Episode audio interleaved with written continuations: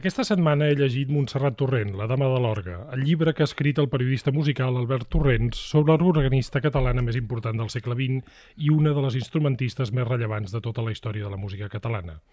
Podeu trobar el llibre a Ficta Edicions, una editorial que la majoria de companys músics coneixen per les seves excel·lents edicions de partitures i CDs, però que també, i ho aplaudim amb mans i orelles, ha decidit posar una mica d'aigua a la immensa sequera que patim en l'univers de l'assaig musical a la nostra llengua. El llibre d'Albert Torrents és oportuníssim per moltes coses. Primer, perquè retrata amb molta cura la vida d'un músic excepcional, d'un organista i pedagoga que encara no hem situat al pavelló d'una expressió que odio profundament, la de catalans universals, i que, amb l'ajuda d'aquest text, tothom en podrà conèixer la importància.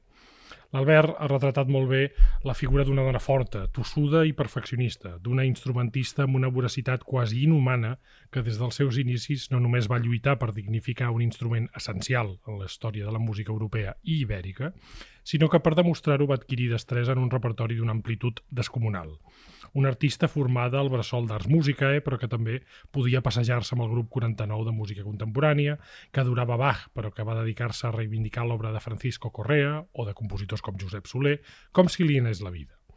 Una intèrpret, ho diu el llibre, i és veritat, que mai va fer un sol concert a la seva vida amb el mateix programa.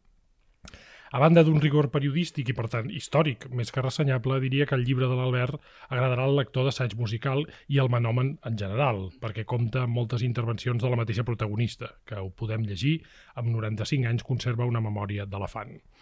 A banda de donar més versemblança al que s'hi explica, el privilegi de les incursions de la protagonista fan que aquest sigui també un llibre que pot interessar a qualsevol lector un llibre on també s'hi expliquen les contingències històriques de quasi un segle, algunes de ben transcendents, com la guerra civil, i la lluita d'una dona per excel·lir en un món, el dels organistes, molt encotillat per la masculinitat i la Santa Mare.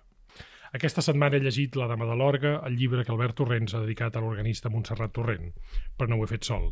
A mi ho han fet el professor d'estètica Jaume Radicales i el musicòleg Oriol Pérez.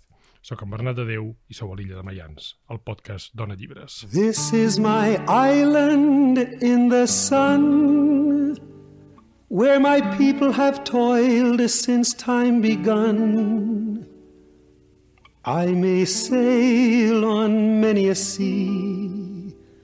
Her shores will always be home to me. Oh, island in the sun, built to me by my father's hand. All my days I will sing in praise of your forest waters, your shining sun.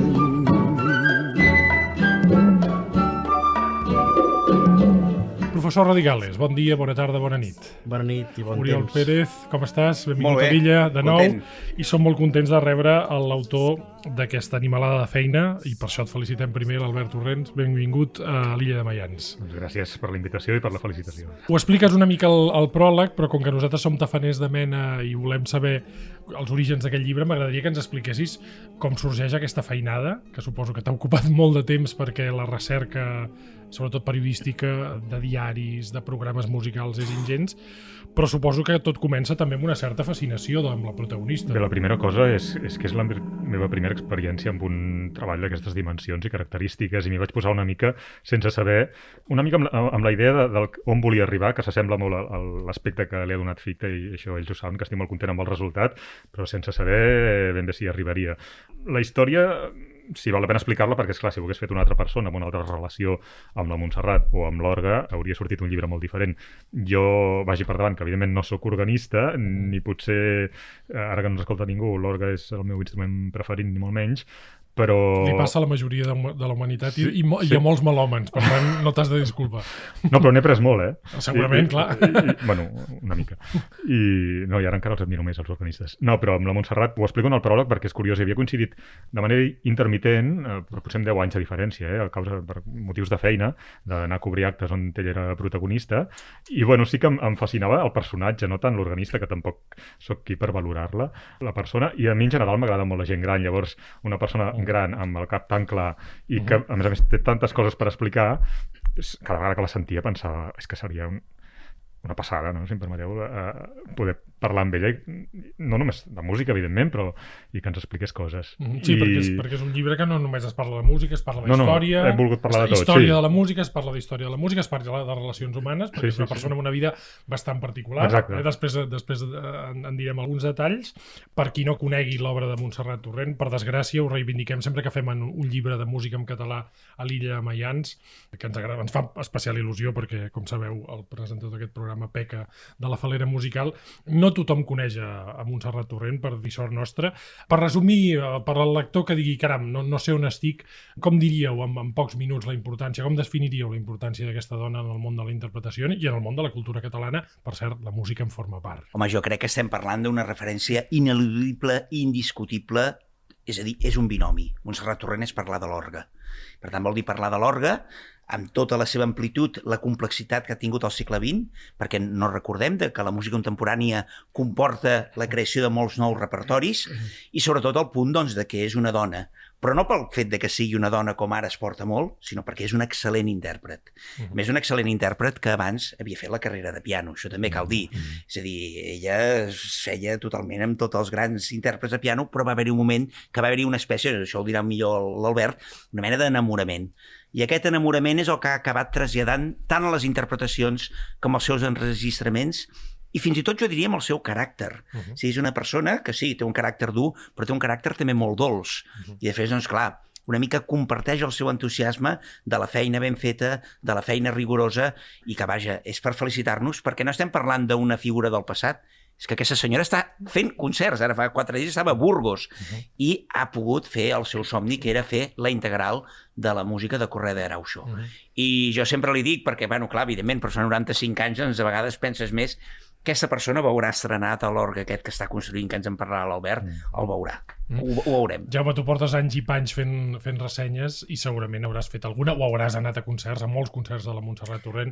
Abans, el, ara ho deia, eh, parlem d'orga, però parlem d'una música integral. Eh? Sí. Abans ho deia, amb una, amb una voracitat de repertori brutal, amb una tossuderia impressionant i amb una voluntat de ferro. Eh? Ara sí. parlarem també una mica dels seus inicis, però una, una intèrpret molt treballadora. Eh? Sí. sí, sí, de fet, eh, a mi m'agrada molt aquest títol de La dama de l'orga, perquè penso que el concepte dama és un concepte que pot tenir moltes significacions, però també ve a ser una, una dimensió d'expertesa en, en allò que ha assolit, que és una dimensió de, de música total, de música global. Potser perquè, clar, l'orga és un instrument que demana una formació prèvia extraordinària en el terreny del teclat i en concret doncs, eh, primer dominar el piano i també del domini del que és l'harmonia i el contrapunt, que són dues disciplines perfectament, i a la improvisació, molt lligades a aquest instrument. No? Per tant, Dama de l'Orga m'agrada molt. Jo he de dir que l'orga sí que és un dels meus instruments que formen part del meu mm, panteó particular. Recordo, a més a més, que el nostre diví Mozart deia que l'orga és el rei dels instruments, malgrat que Mozart va escriure molt poc per orga. Uh -huh. I recordo, i aquí ja m'atreveixo un record personal, de, des dels 10-11 anys jo pertanyia a una associació molt estranya que es deia Amics de Mozart, que encara existeix, de Barcelona.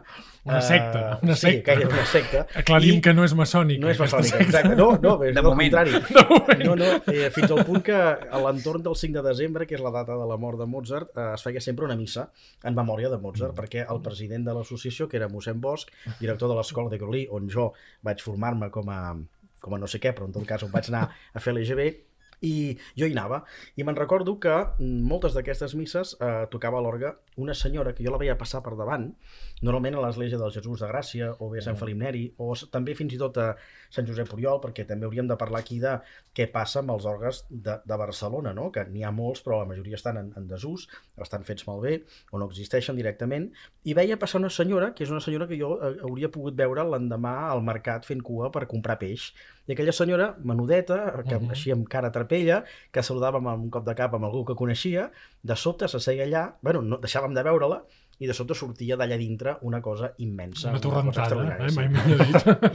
I he de dir que Montserrat Torrent pertany a aquesta plèiade de, de grans músics que tenim a casa nostra, grandíssims, i que no tenen una ressonància especial en els mitjans de comunicació, que potser sí que tenen una incidència especial fora, però que aquí no els coneixem. I n'hi ha a patades, hi ha molts músics completíssims i que estan fent una feina extraordinària, no només com a intèrprets, sinó també, i també suposo que en parlarem, com a mestres, perquè jo he conegut uns quants deixebles de, de Montserrat uh -huh. Torrent, eh, i, i són molts, perquè clar, és una dona que té 95 anys i per tant doncs, deixa al darrere un, tres generacions d'organistes formats amb ella, no? I cal reivindicar-los. I jo crec que llibres com aquest fan molta falta i cal parlar d'aquests músics que una mica a l'ombra, mm, malgrat ells mateixos, han fet una feina extraordinària mm. i deixen un llegat que sort de llibres com el de l'Albert doncs en, en podem prendre consciència i sí, reivindicar-los. Repassarem una, una mica la vida de Montserrat Torrent a, a l'ombra d'aquest llibre que ens ha interessat tant i que també es llegeix molt bé, eh? ho he de dir, sí. perquè és un, és un llibre molt interessant de llegir, no sempre passa amb els llibres de música, que a vegades són molt feixucs. Ara ho deia una mica també el Jaume, Albert, clar, l'òrgan no és l'instrument que és més habitual de tocar, molt pocs nens diuen vull tocar l'orga, i també dins el, fins i tot hi ha una conya dins els músics que diu que els eh, organistes sempre són pianistes frustrats. Eh? Mm.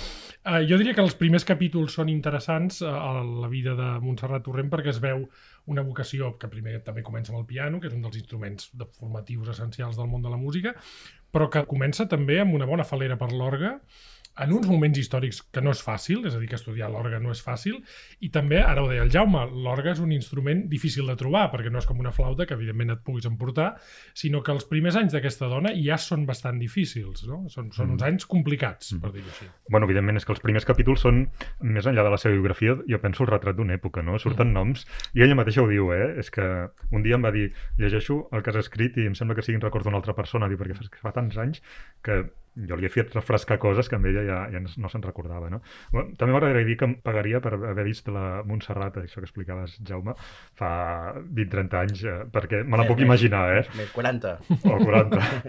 Però, clar, l'he conegut de gran, però em fa gràcia que tothom que l'havia conegut de jove ja, ja expliquen que, era, que tenia una aparença curiosa, si més no, no? A, a banda de, de com... Però sempre la veiem com una senyora gran, és curiós, eh? Clar, sí, sí, sí, sí. Quan comença a interessar-se Montserrat Torrent per l'orgue i, i com és, perquè no és un instrument, insisteixo, també s'explica que després de la Guerra Civil molt dels òrgans de Barcelona van clar, quedar clar, destruïts. És que va coincidir... Eh, això de trobar sí. un òrgan no era com trobar un piano. És, és, per tant, hi ha una carrera que comença no és fàcil. Bueno, ella sempre explica que la mare la va formar en piano, la mare havia sigut deixeble de Granados, la va formar des dels 5 anys en piano, com a totes les germanes, i ella anava per pianista, i el dia que li va dir a la seva mare que, i a la família en general que es volia dedicar a l'orga, hi va un, un daltabaix a casa i un gran disgust.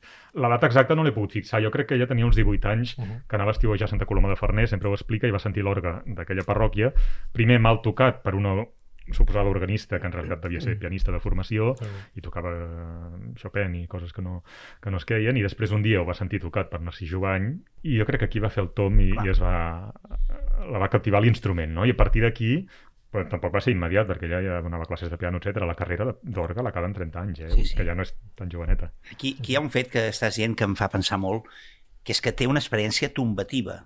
Si les experiències tombatives són les experiències que deixes enrere un passat, sí, un antic jo i vas una altra cosa que és superior i en aquest aspecte jo penso que és una de les coses que més em fascinen d'aquest llibre de lo bé que ho reflecteixes de que hi ha un abans i un després Sí, sí, perquè dir... ella podia haver estat una pianista dins de l'escola dels Marshalls, Granados, etc etc, però una pianista més, per dir-ho així però ja ara ho deies, Oriol, potser una intuïció, eh? una intuïció, un, una, cosa, quere, que sí. diuen els alemanys, un canvi bestial que l'aboca un instrument que en aquells moments tampoc és un instrument molt, molt, Exacte. molt popular. Eh? I a part, això contra la voluntat dels pares, segurament per desconeixement, contra un, una situació general del país que és que no, no hi havia orgues decents perquè ella pogués demostrar el que sabia fer bueno, i, i contra el, una societat masclista no? és a dir, és, és contra moltes coses que ella acaba imposant-se de molts anys, evidentment. Hi ha un curiositats molt, molt curioses, valgui la redundància d'aquest llibre. Ja a mi m'ha interessat molt, per exemple, quan ella descriu com comença a tocar l'orgue del Palau Nacional. Mm. Aquí es, es critica molts orgues, perquè sí, troba sí. molt pocs orgues que siguin perfectes, mm.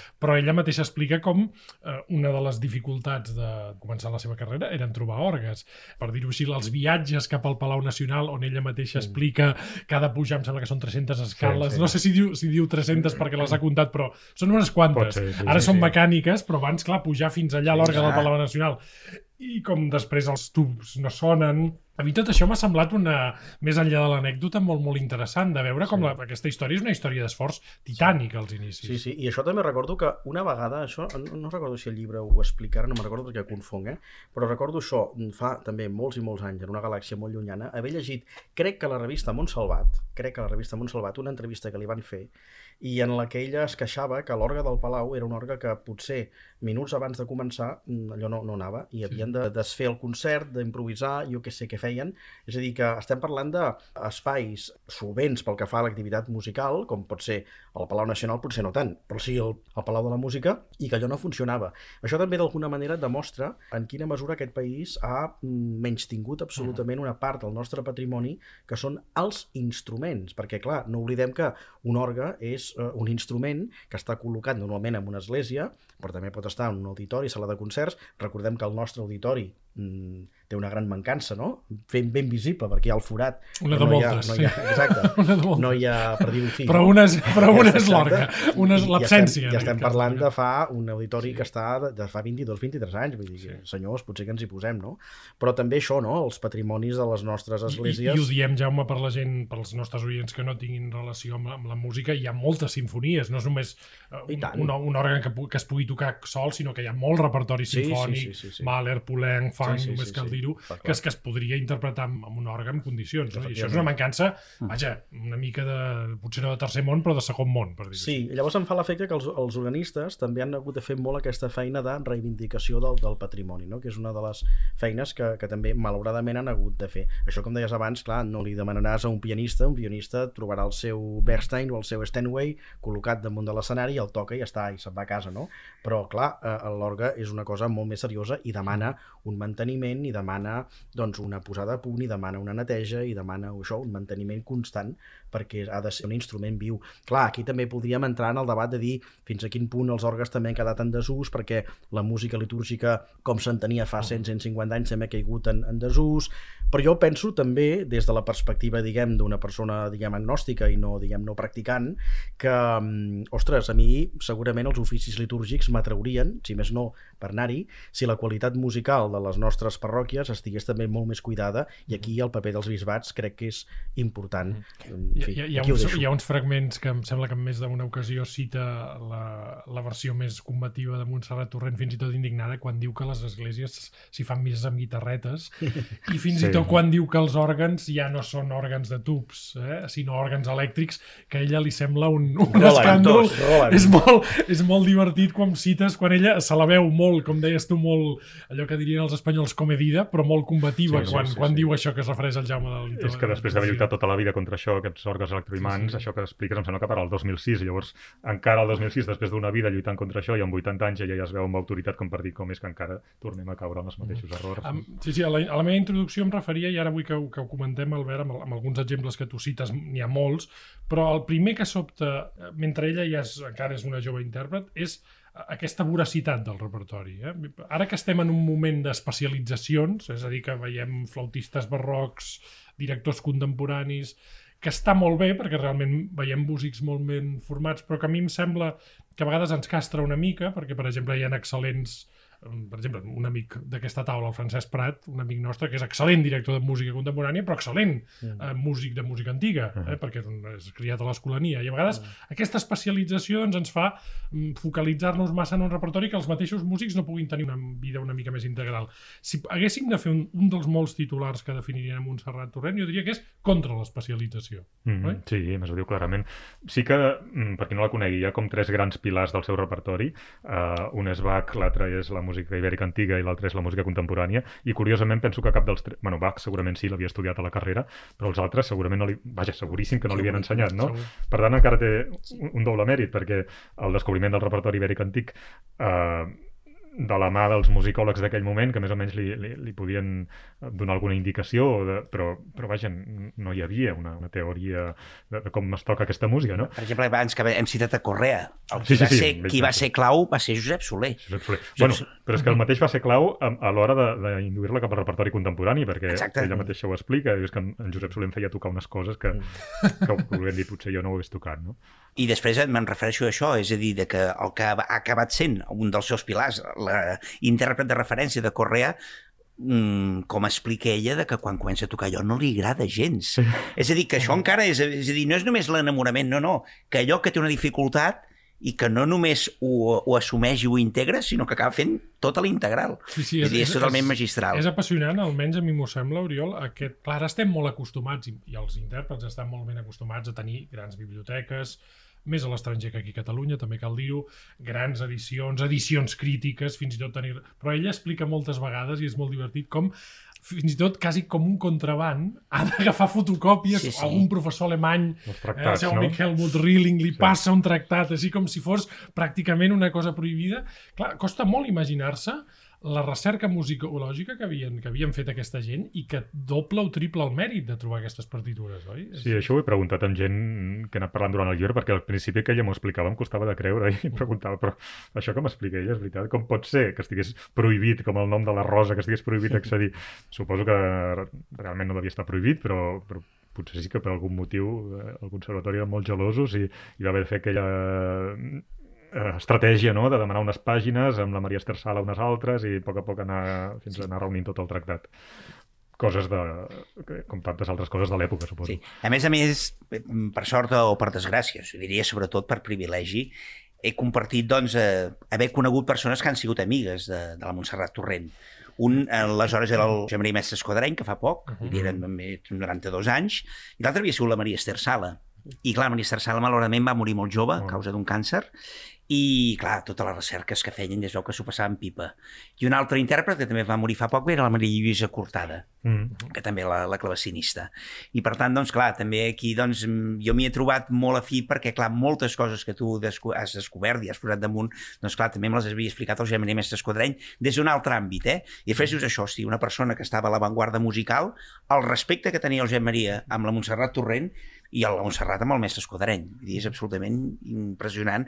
Per tant, que també darrere del posicionament hi ha una ètica, hi ha una, un saber estar, I una tam- educació, i- i- una elegància. I també, Jaume, no, no només una versatilitat brutal d'intèrpret, sinó també de formacions. És a dir, veiem al, al llarg del, del llibre que és una, per dir-ho així, és una tot terreny, és una, Sí. és una música que ha fet de tot, ha estat amb orquestes, Sí, ha estat sí. amb orquestes eh, interpretant música barroca quan les orquestes no sempre s'adequaven, evidentment, a criteris històrics, ha fet molts recitals soles, ha fet recitals amb dos òrgans, que també Mm. són molt... Això, si, en, si en veiem pocs amb un òrgan, Mm. amb dos òrgans ja no en veiem mai. És a dir, una música que té una quantitat de registres eh, excepcional, també. Molt, Bé, molt generosa. en- Clar, en això és el que la, la converteix en una música integral i aquí doncs, hi ha aquesta connexió que deia abans, no? amb aquesta gran escola jo crec que hi ha hagut en aquest país una gran escola no arreglada, però sí una gran escola musical que ha format una generació de, això, de músics extraordinaris eh, abans de l'ESMUC i fins i tot abans de conservatoris del Liceu i coses d'aquestes. Eh? Hi ha hagut una gent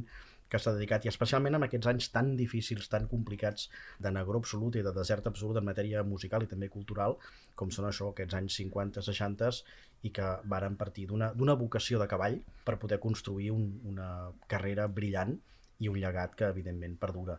I que malgrat tot no tots aquests músics eh, deixen testimoni perquè esclar, no tots han pogut per exemple enregistrar i de molts d'aquests eh, el record es perdrà, evidentment, i això és una llàstima. Jo et volia també, eh, Albert, fer una pregunta de tafaner, perquè, clar, hi ha moltes incursions de, de la pròpia protagonista en aquest llibre. Quantes hores t'hi vas passar? Perquè això no és poc temps. No, no ho he arribat a comptar. Vam agafar... Va ser curiós perquè al principi, el primer que hi vaig anar ja em volia explicar tot. Clar, és molt difícil, no?, que te'n recordis. Tu, nosaltres, que tampoc tenim 90 anys, si et fessin explicar la teva vida des del primer dia, deixaries moltes coses. Llavors, clar, en paral·lel, eh, vaig haver d'anar fent la, la, la documentació que ja em servia per preguntar-li coses, no? Vam ad- adquirir l'hàbit de un cop per setmana, els dimecres a les 9 del matí, i així vaig estar potser... No va arribar a dos anys, segur, perquè això vaig començar al principi del 17, mm, un any i mig posem de converses amb ella, més tota la resta, eh, de tota, tota la gent que va sortint en el relat, que evidentment s'ha d'anar contrastant, no només per contrastar la informació, sinó perquè, pel que puguin aportar ells, i la recerca de, de, de papers. Ella va deixar tot el... Això t'ho anava a dir, Part. eh? ella és bona conservadora en aquest sentit, Molt. perquè té pinta de, de guardar programes, Molt, de guardar partitures... És que això no ho sabia i, i, i si ho hagués sabut abans de començar a fer el llibre encara ho hagués fet més ràpid. Per una banda, tots els que són programes de mà, de concerts i crítiques, això primer la seva mare, pel que diu ella, i després el seu marit ho van arxivar fantàsticament i està al CSIC. A- Aclarim, no obstant, que el seu marit arriba tard a la seva vida, perquè tard, aquesta és es una de les coses amb 60, sí, sí, que sí. descobrim, és una persona que es casa molt tard, perquè el seu marit primer és l'orga, i Sí, només clar. després, per dir-ho així, troba un acompanyant, Sí, que no sempre sí. l'acompanya, perquè això també és molt divertit quan explica el llibre, li fa molta por volar, també potser té una enveja de tenir una dona tan poderosa al costat, eh? això Sí. també cal dir-ho, però és una persona que es casa tard, per dir-ho així. Eh? Una altra cosa molt important que són les cartes, però jo dic sempre, és que ella ha guardat les cartes, però que no només ha guardat les que rebia, és que es guardava còpia de tot el que escrivia, cosa que evidentment facilita la feina normalment, Mm. perquè no cal que vagis a buscar l'altra part, ja ho tenia Sí. ella a casa. Sí. Moltes vegades perquè són qüestions, o perquè ho escrivia a màquina i es feia còpia en paper carbó, Mm.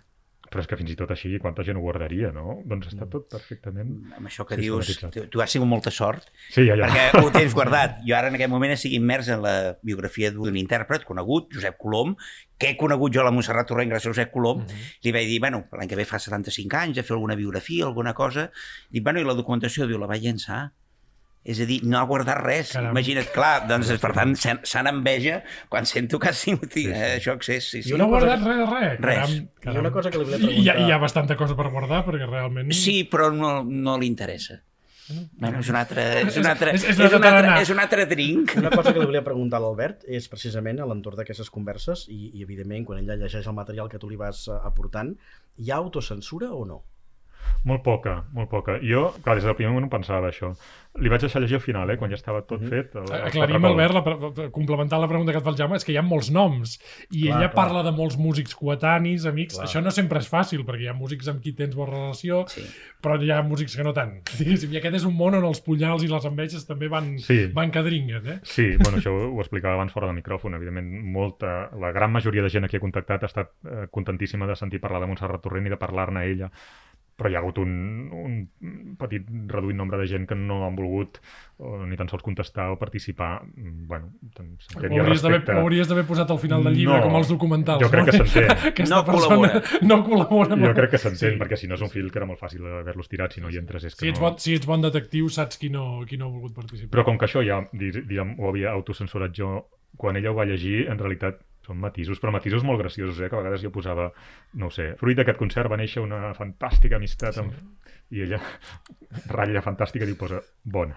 No vol. No? Detalls d'aquests. No és el mateix que bona o no és el mateix que excel·lent. Ara us ho anava a dir també, eh, és una petita història de la música del segle XX, perquè clar, aquí hi ha molts noms que surten, hi ha el noms de músics com Rosa Sabater, Sí, sí. està, abans parlàvem de Josep Soler, que és una persona que a mi m'ha sorprès, una persona molt particular i a mi em va sorprendre, per exemple, que es fessin tan amics, perquè són dos caràcters molt diferents. Josep Soler és una, és una persona com- Però Josep complicada. Soler és no? una persona, sí, complicada, però molt generosa. Exacte, sí. Molt generosa. I després no...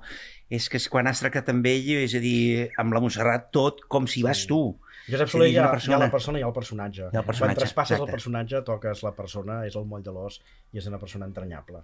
El, el teu llibre també t'ha permès, suposo, revisar una mica tota la història de la música d'aquest període català, perquè hi surt pràcticament tothom. Bueno, jo, jo n'he pres moltíssim, perquè clar, hi havia gent que no sabia ni, ni, ni que tenien la dimensió que tenien. Amb el Josep Soler, evidentment, que hi vaig anar a parlar, i curiosament, però no és la persona que ha facilitat més informació. Jo crec que és que entre ells hi ha algú tan íntim que Sí. cap dels dos m'ho ha arribat a explicar. Eh? Sí, sí, és una relació molt, molt estreta. També m'agradaria tocar, que també hi dediques un capítol, eh, Albert, al, al tema de la pedagogia. Hi ha una paraula que Catalunya s'anomena amb, amb molta lleugeresa, diria jo, que és mestre. Mm. I jo sempre dic que un mestre, per dir-li mestre, s'ha de veure sempre els deixebles. Sí. Perquè hi ha molta gent que se li diu mestre i, curiosament, els deixebles no acaben de rotllar. Jo, Aquí estem parlant d'una mestra de debò, sí. perquè ha donat peu a organistes d'una d'una categoria impressionant. Hem Hi ha, hi ha una fotografia molt bonica que tens eh, a la meitat del llibre, si no recordo malament, l'estic Mm. mirant ara, d'un concert homenatge que es va fer el 20 d'octubre del 2018 a l'Auditori Nacional de Madrid, tot el títol Montserrat Torrent en manos de sus discípulos, i aquí hi ha l'Andrés T, el David Malet, que després també ha estat un bon director de cors, el Juan de la Rubia, que és un dels nostres, jo diria, un dels músics més interessants del nostre present.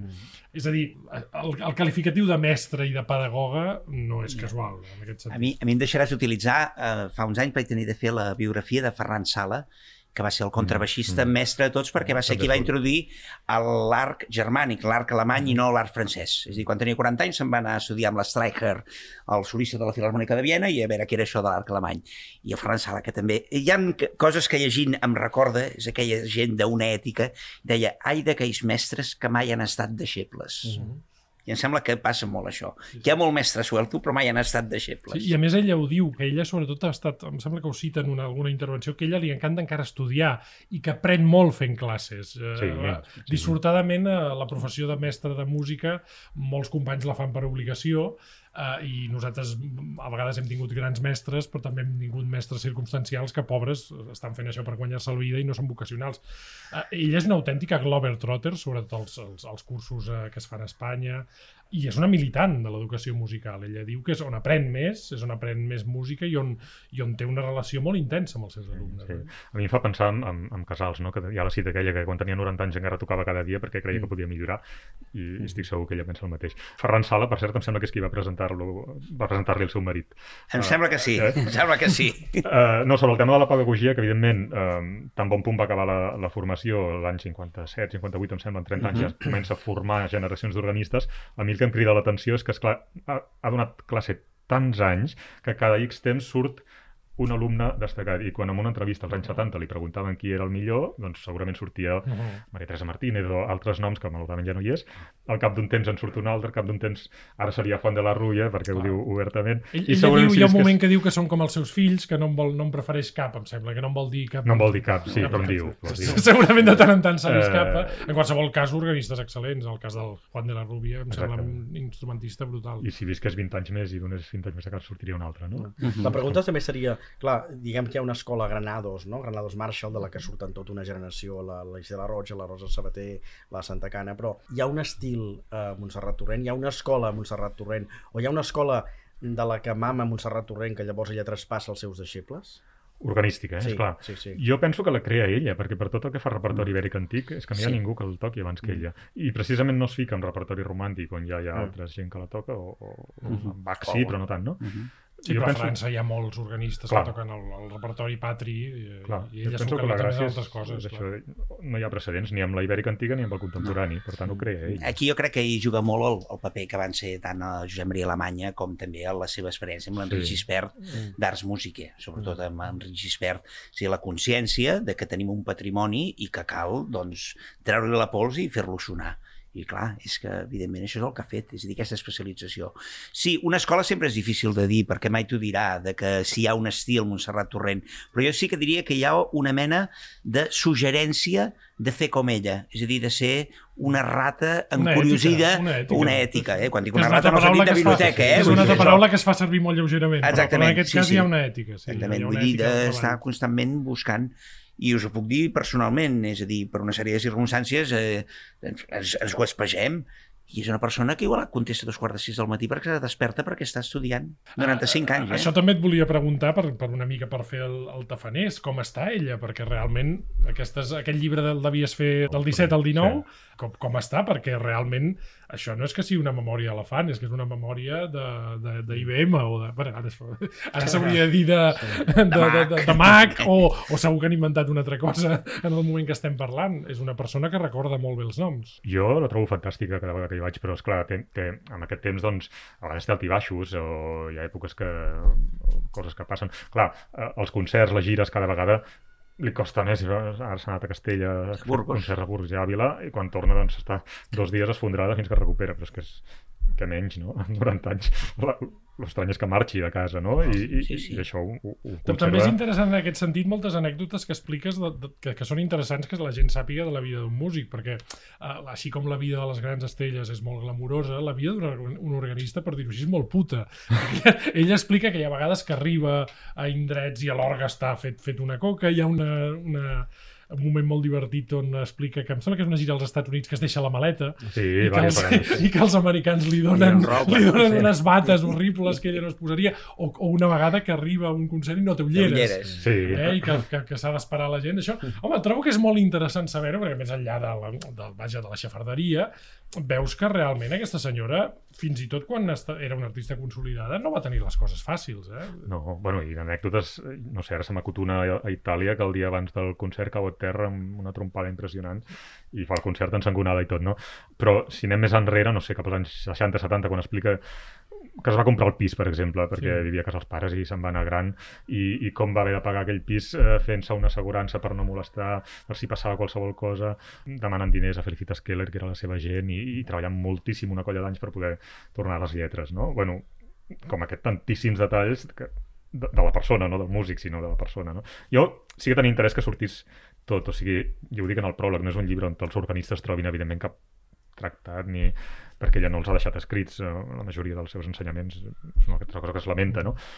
Però tampoc volia fer això, jo volia fer un, un, un retrat de, de la persona amb les coses excelses i les, i les Sí, sí, sí. de cada dia. Jo, jo trobo que això, que això funciona molt i, i es veu la, la integralitat de la figura. Jo també us volia preguntar, hem de parlar també una mica de futur, perquè a vegades sembla, i ho deia el, el Jaume a l'inici, que la, la història de la música catalana siguin grans noms, eh, grans moments estel·lars, eh, en propers programes parlarem de Robert Gerard, de Pau Casals, però sembla molt difícil que parlar d'una continuïtat entre escoles, entre moments musicals, que la hi és, perquè al final els grans intèrprets sempre es regullen entre ells i, i seria molt, jo crec que és molt oportú aquest, eh, aquest llibre per veure que la transcendència de Montserrat Torrents hauria, hauria de servir perquè moltes coses canviessin en aquest país. Primer, els orgues, un tema físic, és a dir, necessitem més orgues, necessitem més concerts d'orgues, perquè tu que et dediques també a l'actualitat musical, Albert, saps que no és mm, el pa de cada dia, vaja, ni el pa de cada dia ni, ni, ni, ni molt menys, i que aquesta escola que tenim aquí és un tresor que cal preservar, perquè si això